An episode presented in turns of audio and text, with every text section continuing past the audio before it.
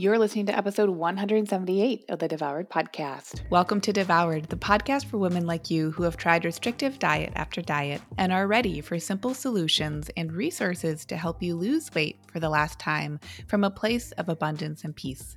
If you're looking to end the yo yo of comfort eating and rigid weight loss protocols and instead step into living your life on your terms while losing weight in the process, you're in the right place. Okay, pretty people, welcome to the show. Today, I want us to be talking about boredom. don't yawn, don't go. it won't be a boring subject. Actually, the subject of boredom is incredibly interesting when it comes to people's relationships with food. Very frequently, when someone is looking to lose weight and they're trying to recognize, okay, some of the eating I do is emotional and they then start to recognize okay, I don't have to feel bad about emotional eating. I can just understand that sometimes my eating is driven by emotions that I perhaps haven't been as in touch with as I might have expected. Very frequently, one of those emotions that people are eating from is boredom.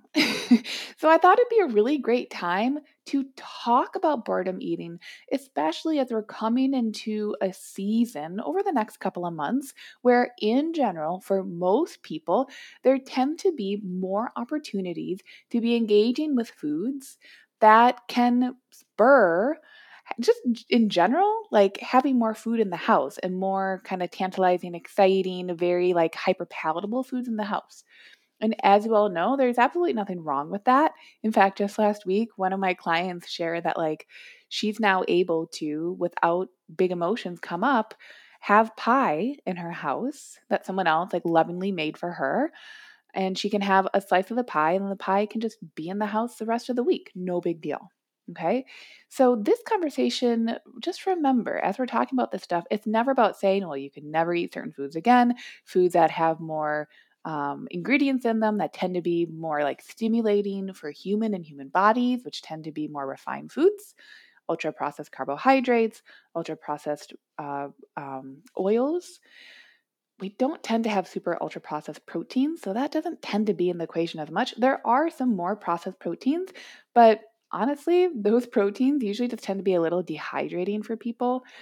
And um, they also just don't really fill people's guts up as much. So, like an ultra processed protein is just like less satisfying. Whereas ultra processed um, oils can be especially inflammatory for people. And ultra processed carbohydrates can have, play a large role in people's blood sugar levels as well as like nutrient depletion because of unbalanced blood sugar levels. So that's the physical side of things, okay?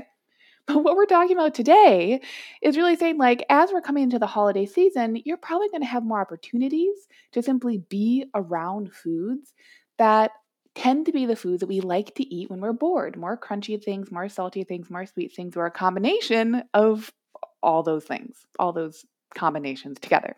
So let's look at the emotion of boredom because too long don't read.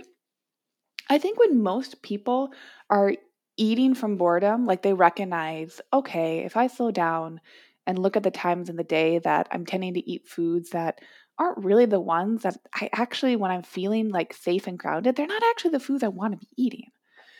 Most of the time, when we're looking at the emotion of boredom, that tends to be foods that occur between meal times, okay?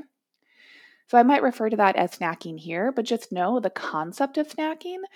Of course, we can have snacks that serve us. So, this is just like a shade of how snacking can go for plenty of people, which is why we're talking about today.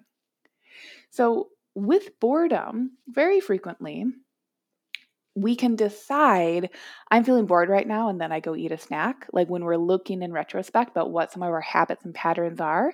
But this week, if that applies to you, I actually want you to be really looking at what is the sensation in your body of the feeling of boredom. Because sometimes, and what I've noticed is that when people are eating from a place of boredom, the boredom is a bit of an umbrella term for something that might have more of a specific slant towards it. Okay, so if that sounds confusing, I'm going to dive into what I mean by that. Number one, sometimes we are driven to eat by pure boredom. We just want something, and that's honestly why, like, even foods that have a lot of texture to them, crunch to them, they change how we are in the present moment, right? Think about it. When you're eating something crunchy, you're literally hearing something different as you're crunching that, right? You're giving yourself a sensory experience.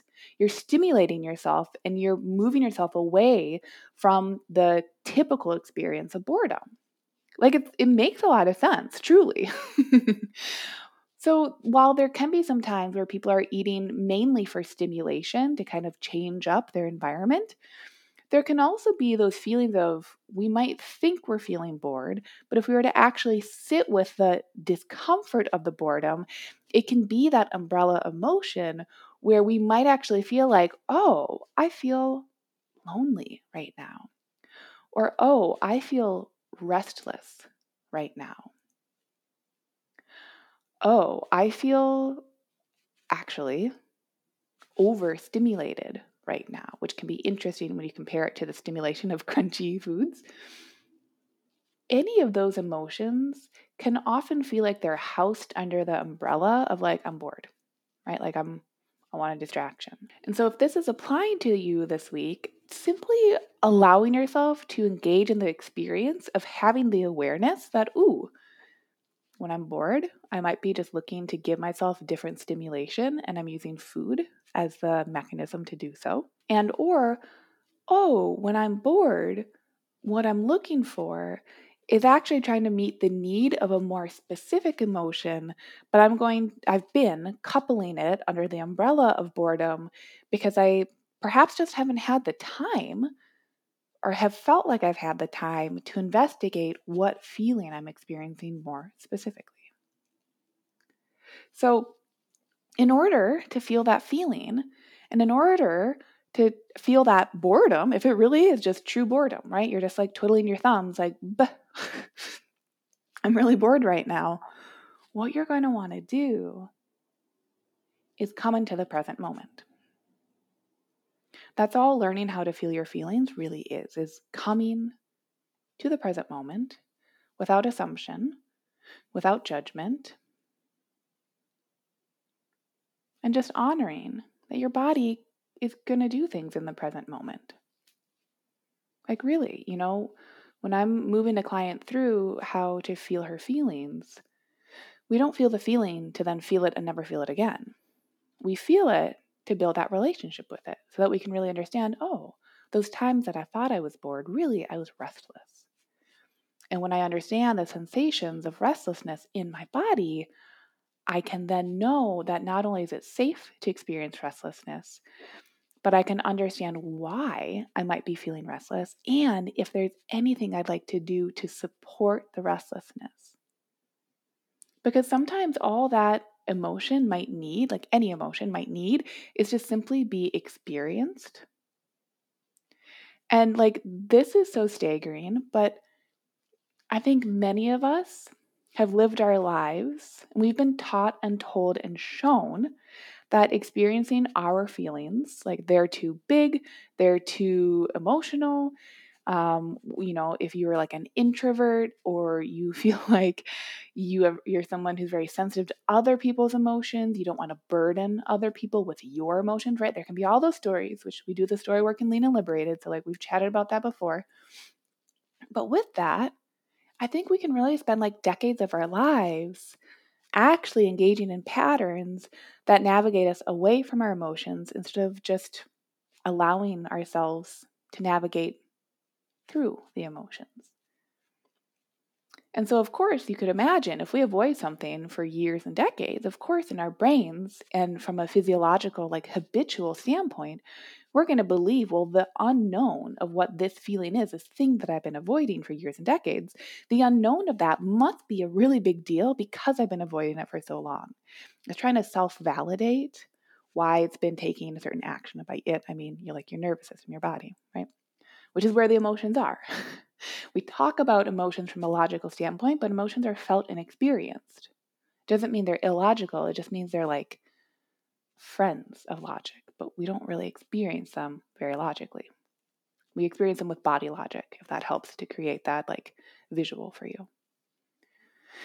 So, those things that we can be running away from for years unknowingly, like just from a place of trying to keep ourselves safe, right? Like that thing's big. I shouldn't do the big thing. It might be too much for other people, might be too much for me.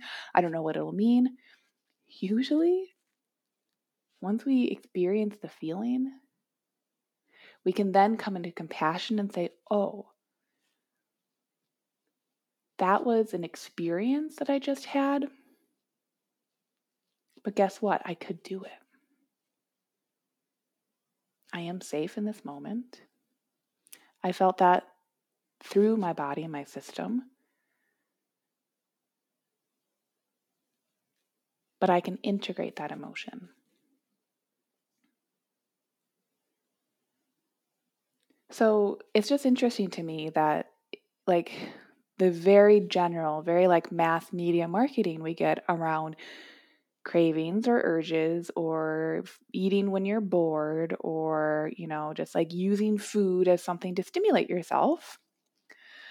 The messaging we get around that typically is that we need to distract ourselves with other things. Brush your teeth after dinner, um, you know, don't like stop associating eating snacks with watching TV. So, like, don't watch TV for a month, read a book, um, you know, start playing board games or in the middle of the day, like what whatever it's going to be. Right? We just get a lot of often kind of like coping mechanisms and coping tools instead of getting to the root of things, which is can we just allow our bodies to feel what they're going to feel and not make that a big deal?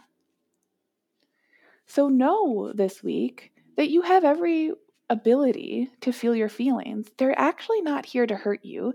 It might feel very uncomfortable right? Like we can just be upfront and clear with that. It can feel really uncomfortably, logically and emotionally at first to feel the feeling because in our in our brains, our brain stem, having that kind of like fight or flight response from our emotions historically was really supportive, right? Because like back in the day, we had, I think we had clearer environments. We had environments where things were safe and we could be truly parasympathetic in that rest and digest mode, and that was habituated. And then we had times where we probably had to be on higher alert. And I think there's just a clearer delineation way back in the day versus nowadays, where we work from home, we're navigating childcare and jobs and finances and like conceptions like money and changing economies and health and wellness and social circles that are quite huge and quite extended.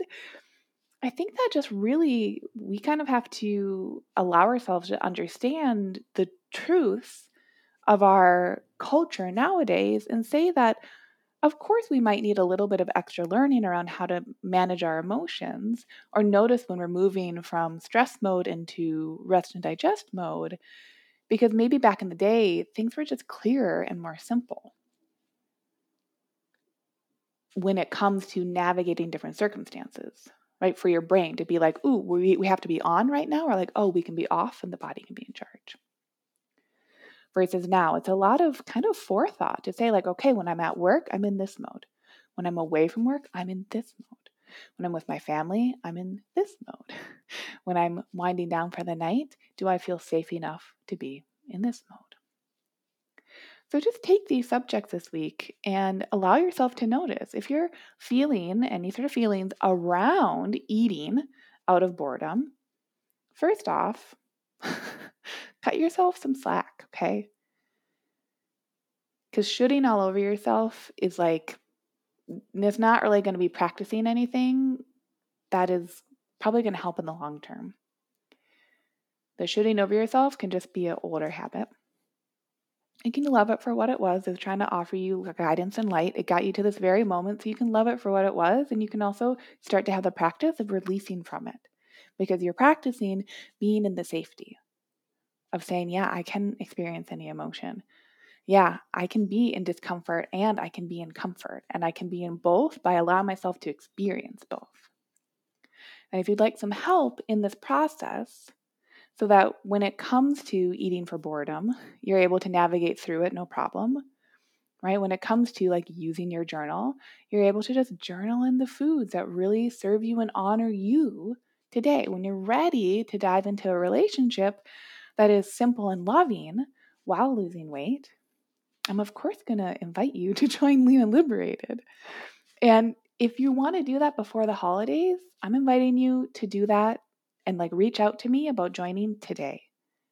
When you're listening to this episode on its release day, I have just about another, what is it? I have just another week before I'm closing the opportunity to enroll in Lean and Liberated for the rest of 2021.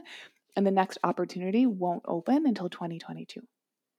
So if you're looking to be able to really see, like, yeah, I can navigate any food come the holidays, the darker winter months, round and winter two of the uh, Panini Press, then reach out to me so we can have a pretty simple conversation and see if Lean and Liberated is right for you. And if it is, you can get started pretty immediately. Like you'll get access to all the materials and then you can book out your first of the six sessions. So you and I can dive into how you support yourself with your food and your nutrition. All right. Thank you so much for being here. I hope to hear from you soon. And I'll see you on the next episode. Bye. Did you know you can find more support from me on my website? Go to Lucia Hawley, L U C I A H A W L E Y dot com to connect.